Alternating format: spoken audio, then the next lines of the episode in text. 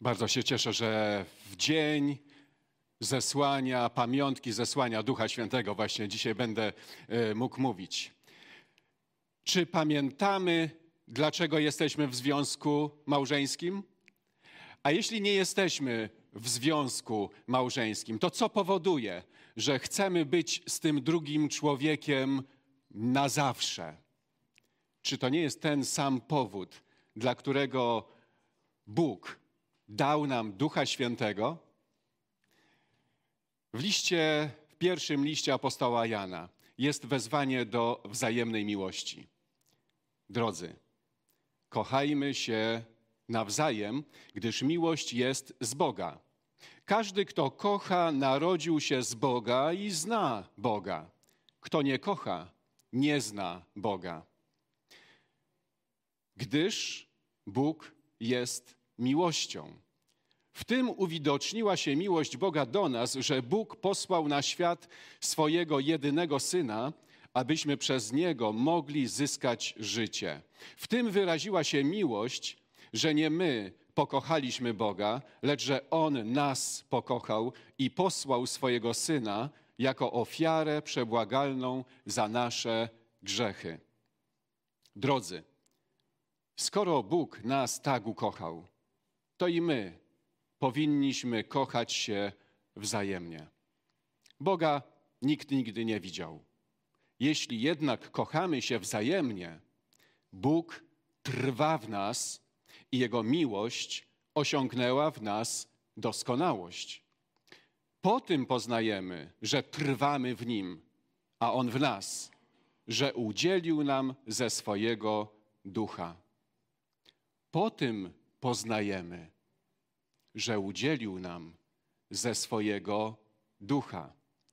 Nie przyszedł tylko po to, żeby żyć w Tobie. On przyszedł po to, abyś Ty żył w Nim. W ten sposób Jezus zaprasza nas do żywej relacji z Bogiem, ze sobą, z Duchem Świętym i z Ojcem. Poznanie miłości Boga objawia się, jak już słyszeliśmy, w tym miłowaniu drugiego, w miłowaniu człowieka, bo Bóg jest miłością. Ale co jest istotne, jak doświadczyć tej miłości? Jak doświadczyć tego, czego nie widać? Jak tego dotknąć? I chodzi o największą prawdę, której uczył nas Pan. Tej prawdy uczy nas, dając największe przykazanie. Chodzi o miłowanie bliźniego. W ten sposób, poprzez miłowanie bliźniego, odkrywamy relację z Bogiem Ojcem, bo po tym, po miłości bliźniego, poznajemy, że On w nas mieszka. Dlaczego w tych ostatnich tygodniach doświadczyliśmy niezwykłego poruszenia, że czujemy się inni, bliżsi sobie, przemienieni, zachęceni, uskrzydleni, umocnieni, szczęśliwsi. Ja nie poznaję siebie i nie poznaję ludzi, których wydawało mi się, że znałem. Znałem i nie znałem. Niemal wszyscy zostaliśmy dotknięci dobrem. I to w jakich okolicznościach? wojna, a tyle dobra się wydarzyło. Czy to wojna jest przyczyną dobra? Z Ewangeliana. Gdy więc umył im nogi, włożył swe szaty, ponownie usiadł i powiedział: Czy rozumiecie, co wam uczyniłem? Wy zwracacie się do mnie, nauczycielu i panie, i słusznie czynicie, bo nim jestem. Jeśli zatem ja, Pan i nauczyciel. Umyłem wam nogi. Wy również powinniście sobie nawzajem to czynić. Dałem wam przykład, abyście i wy czynili tak, jak ja wam uczyniłem. Ręczej zapewniam. Sługa nie jest większy od swego pana, ani poseł od tego, który go posyła. Skoro już o tym wiecie, jesteście szczęśliwi, o ile będziecie tak postępować. mamy Jezusa za nauczyciela. Niewierzący też tak go widzą i też go tak traktują. Dla nas jest Panem. Ale tak naprawdę naśladując go, wtedy, kiedy go naśladujemy, doświadczamy pełni życia, które nam obiecał, które ciągle nam oferuje i które nam dał. Dlatego, żeby mieć postawę sługi, żeby móc wypełnić taką rolę, jaką Jezus pełnił, potrzebna jest ponadnaturalna przemiana. Potrzebujemy jej. Jak jej doświadczyć? Odniosę się krótko do tego, co wydarzyło się przed w niebo wstąpieniem Jezusa. W dziejach apostolskich czytamy tak. W czasie jednego z takich wspólnych spotkań zarządził: Nie oddalajcie się z Jerozolimy, ale oczekujcie obietnicy Ojca, o której słyszeliście ode mnie. Otrzymacie moc z góry. Otrzymacie Ducha Świętego, który na was stąpi i będziecie mi świadkami tu w Jerozolimie, w całej Judei, Samarii i aż po najdalsze krańce ziemi. Nie oddalajcie się, czekajcie. To oznacza dokładnie siedźcie i czekajcie. Siedźcie nie znaczy nic nie róbcie, ale siedźcie i czekajcie, tęsknijcie, wypatrujcie. Na co czekajcie? Na moc z góry. Jest obietnica. Otrzymacie moc z góry. Otrzymacie moc, ale po co? Żeby doświadczać silnych emocji, żeby doświadczać wrażeń, żeby doświadczać jakichś nadnaturalnych właściwości, mocy. Czasem ludzie tylko z tym kojarzą Ducha Świętego. Cały list do Kolosan jest napisany przez apostoła Pawła właśnie o tym, ku przestrodze. Po co nam duch? Po co nam duch święty? Odpowiedź jest jedna. Po to, żeby być świadkami Jego mocy, Jego chwały, Jego siły. Otrzymacie moc Ducha Świętego, kiedy na Was stąpi, i będziecie mi świadkami. Chyba wszyscy, jak tutaj jesteśmy, przyjęliśmy Jezusa jako Pana i Zbawiciela. Czujemy, że Jezus jest blisko. Ale co to tak naprawdę znaczy? Jesteśmy zbawieni. Zostało nam przebaczone. Ale czy to koniec? Czy to już wszystko? Czujemy, że nie. Będziecie mi świadkami. My w Kościele Chrystusowym nazywamy siebie, e, określamy siebie uczniami Jezusa, Jego naśladowcami. Być naśladowcą Jezusa, co to znaczy? Jezus powiedział, że jest drogą, prawdą i życiem. To oznacza, że oferuje nam ponadnaturalne rozwiązanie, aby podążać Jego drogą. Czyli daje nam kierunek, w którym powinniśmy iść. Określa, co jest prawdą w moim i Twoim życiu. Mówi prawdę o Tobie i o mnie i daje nam obraz zupełnie innego życia, Jego życia, Jego rzeczywistości. Jezus mówi w ten sposób, że jeśli utożsamimy się z Nim, zgodzimy się iść we wskazanym przez Niego kierunku i zaczniemy patrzeć na świat Jego oczami, w Jego sposób, otrzymamy spełnione życie, pełne radości i satysfakcji. Co to za droga? To droga przewartościowania wszystkiego. Spróbuję wyjaśnić, o co mi chodzi.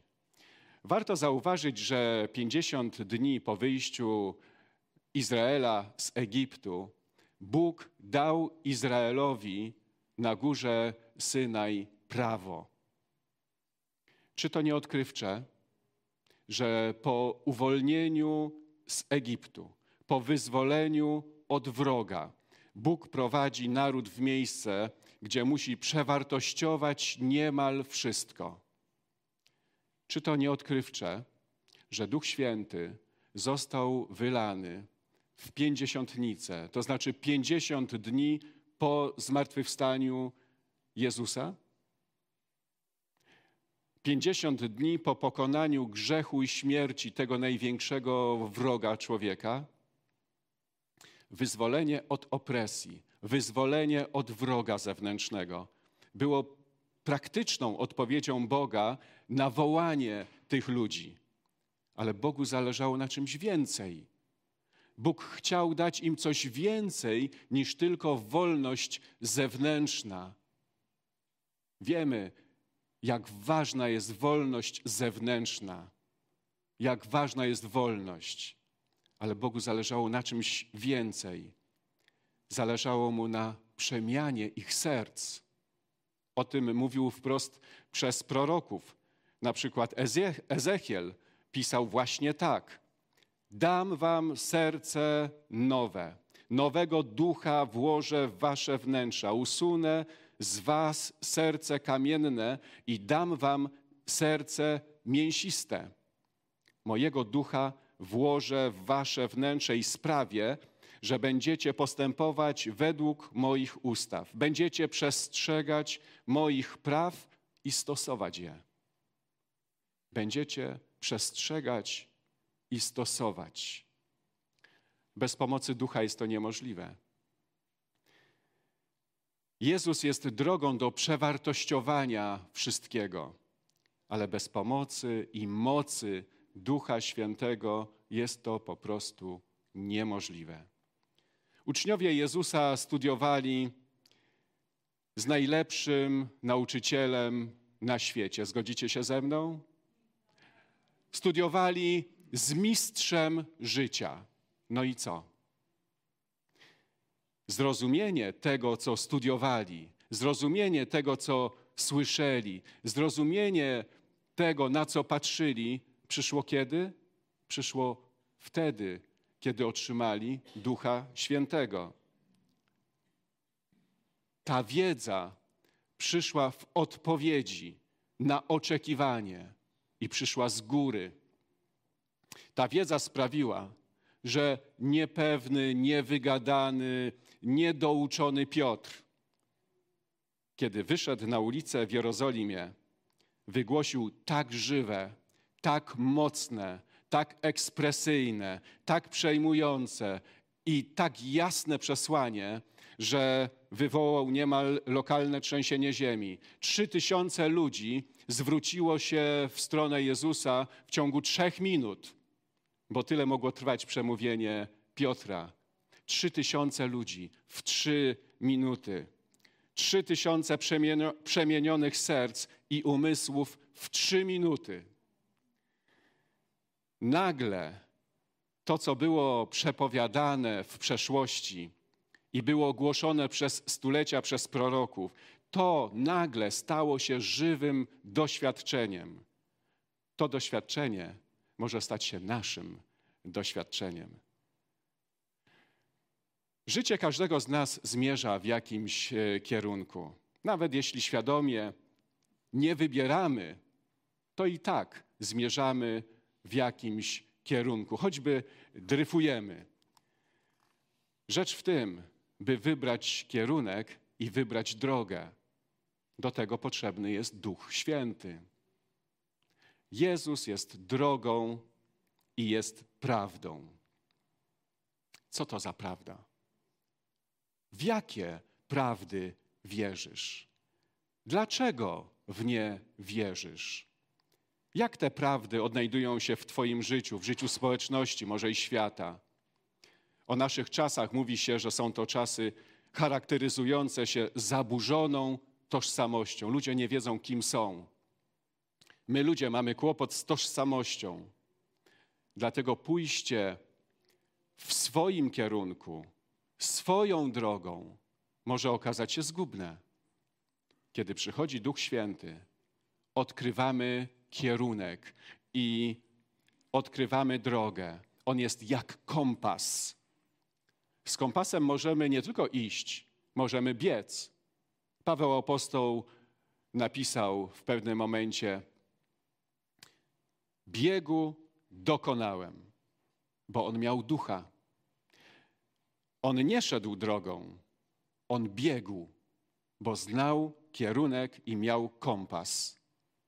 Życie to nie żarty. Życie jest brutalne. Trzeba znać kierunek i trzeba mieć kompas. Jezus i Duch nie tylko mówią nam, kim jesteśmy i gdzie jesteśmy i dokąd zmierzamy, ale oni czasem nas potrzebują korygować, korygują nas, wstawiają się za nami u Ojca, wspierają nas. A tak przy okazji pytania o prawdę. Czy znasz prawdy chrześcijańskie? Kościół Chrystusowy, którego częścią jest społeczność chrześcijańska puławska, spisał deklarację wiary. Chodzi o prawdy wiary, chodzi o prawdę. Warto je znać, to oczywiste. Nie wystarczy je znać literalnie. Sama wiedza na temat prawdy nie zmienia nas. Zmienić może nas zastosowanie tej wiedzy. Zmienić może nas zastosowanie tej prawdy. Prawda ma moc wyzwalania, wiemy to. Boimy się tego, bo my nie chcemy być wolni. Nie chcemy być wolni, bo wolność to odpowiedzialność za siebie i nie tylko za siebie. Potrzebny jest Duch Święty. Potrzebny jest Duch, by znane i poznane prawdy zawładnęły naszymi sercami, naszymi głowami, by zmiana mogła być możliwa, byśmy się jej nie bali. Potrzebny jest Duch Święty. Jezus powiedział: Jestem drogą i prawdą i życiem.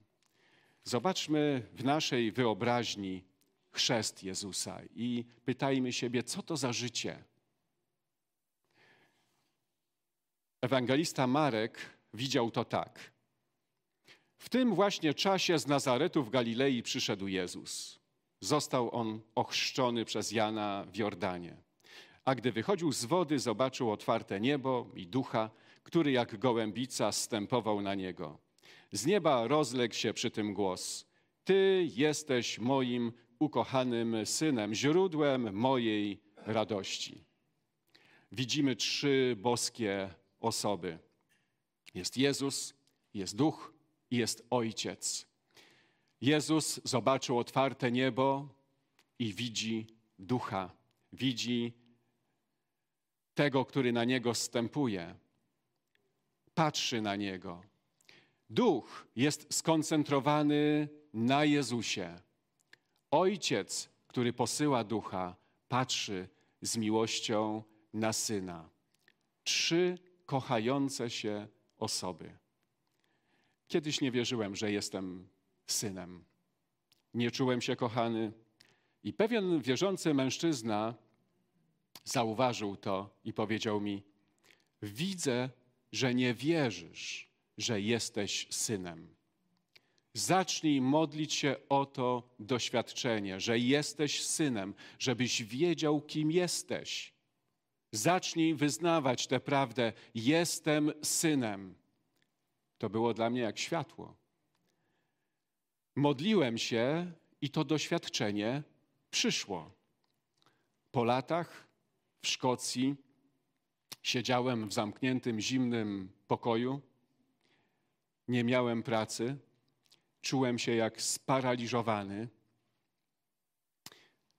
I zacząłem się modlić tymi słowami: Jestem synem.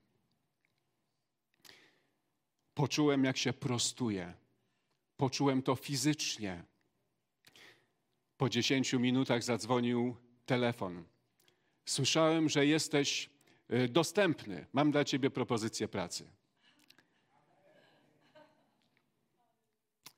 Ty jesteś moim ukochanym synem, źródłem mojej radości. Słowa Ojca do Jezusa, słowa Ojca do Syna.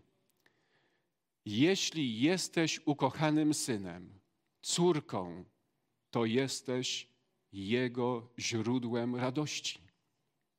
Jeśli duch cię nie dotknie, jeśli on cię nie przekona, nie poczujesz tego, nie uwierzysz w to. To jest niemożliwe bez niego. Tylko duch może cię przekonać, że ojciec, patrząc na ciebie, widzi w tobie swojego syna. Jeśli Jezus jest Twoim Panem, to Ojciec, patrząc na Ciebie, widzi swojego Syna. My mamy ducha, mówimy, i prawdę mówimy. Pytanie jest następujące: mamy ducha, ale czy duch ma nas? To nie jest oskarżenie, to jest zachęta. Dzieje apostolskie pokazują, że po zesłaniu Ducha Świętego uczniowie co najmniej siedem razy doświadczali napełniania Duchem Świętym. W różnych okolicznościach Duch Święty przychodził do nich, kiedy potrzebowali wzmocnienia, kiedy potrzebowali Jego obecności. Przychodził, napełniał ich nie tylko swoją obecnością, ale też napełniał ich swoimi darami, tymi, których potrzebowali do budowania Kościoła. I na koniec, zanim się pomodlimy dzisiaj o napełnienie Duchem Świętym, dzisiaj, w tych wymagających e, czasach, w jakich żyjemy, okolicznościach nieprzyjemnych, trudnych, bolesnych, pamiętajmy, to Duch Święty jest darem. To Duch Święty jest darem. A kiedy przychodzi Duch Święty, pojawiają się dary. A zatem prośmy o dar Ducha Świętego. Prośmy o nowe napełnienie Duchem Świętym. Ta obietnica jest dla wszystkich i dla każdego. To przypomnijmy sobie, co spowodowało, że przed laty zakochaliśmy się w mężu albo żonie. Czy to nie była miłość? A jednak przypomnijmy sobie, ile przez te lata musieliśmy się nauczyć. Nauczyć się tej osoby. To już nie jest ta sama miłość, co kiedyś, która była na początku. Musieliśmy się nauczyć, co ta osoba, mąż, żona, lubi, nie lubi, co kocha, czego nienawidzi, co tę osobę cieszy, a co smuci. No i ciągle musimy się uczyć i ciągle będziemy się uczyć tej osoby w nowych e, okolicznościach. Podobnie jest z Duchem Świętym, z Jezusem, z Ojcem. Jezus, kiedy zapowiedział przyjście Ducha Świętego, powiedział: On was wszystkiego nauczy.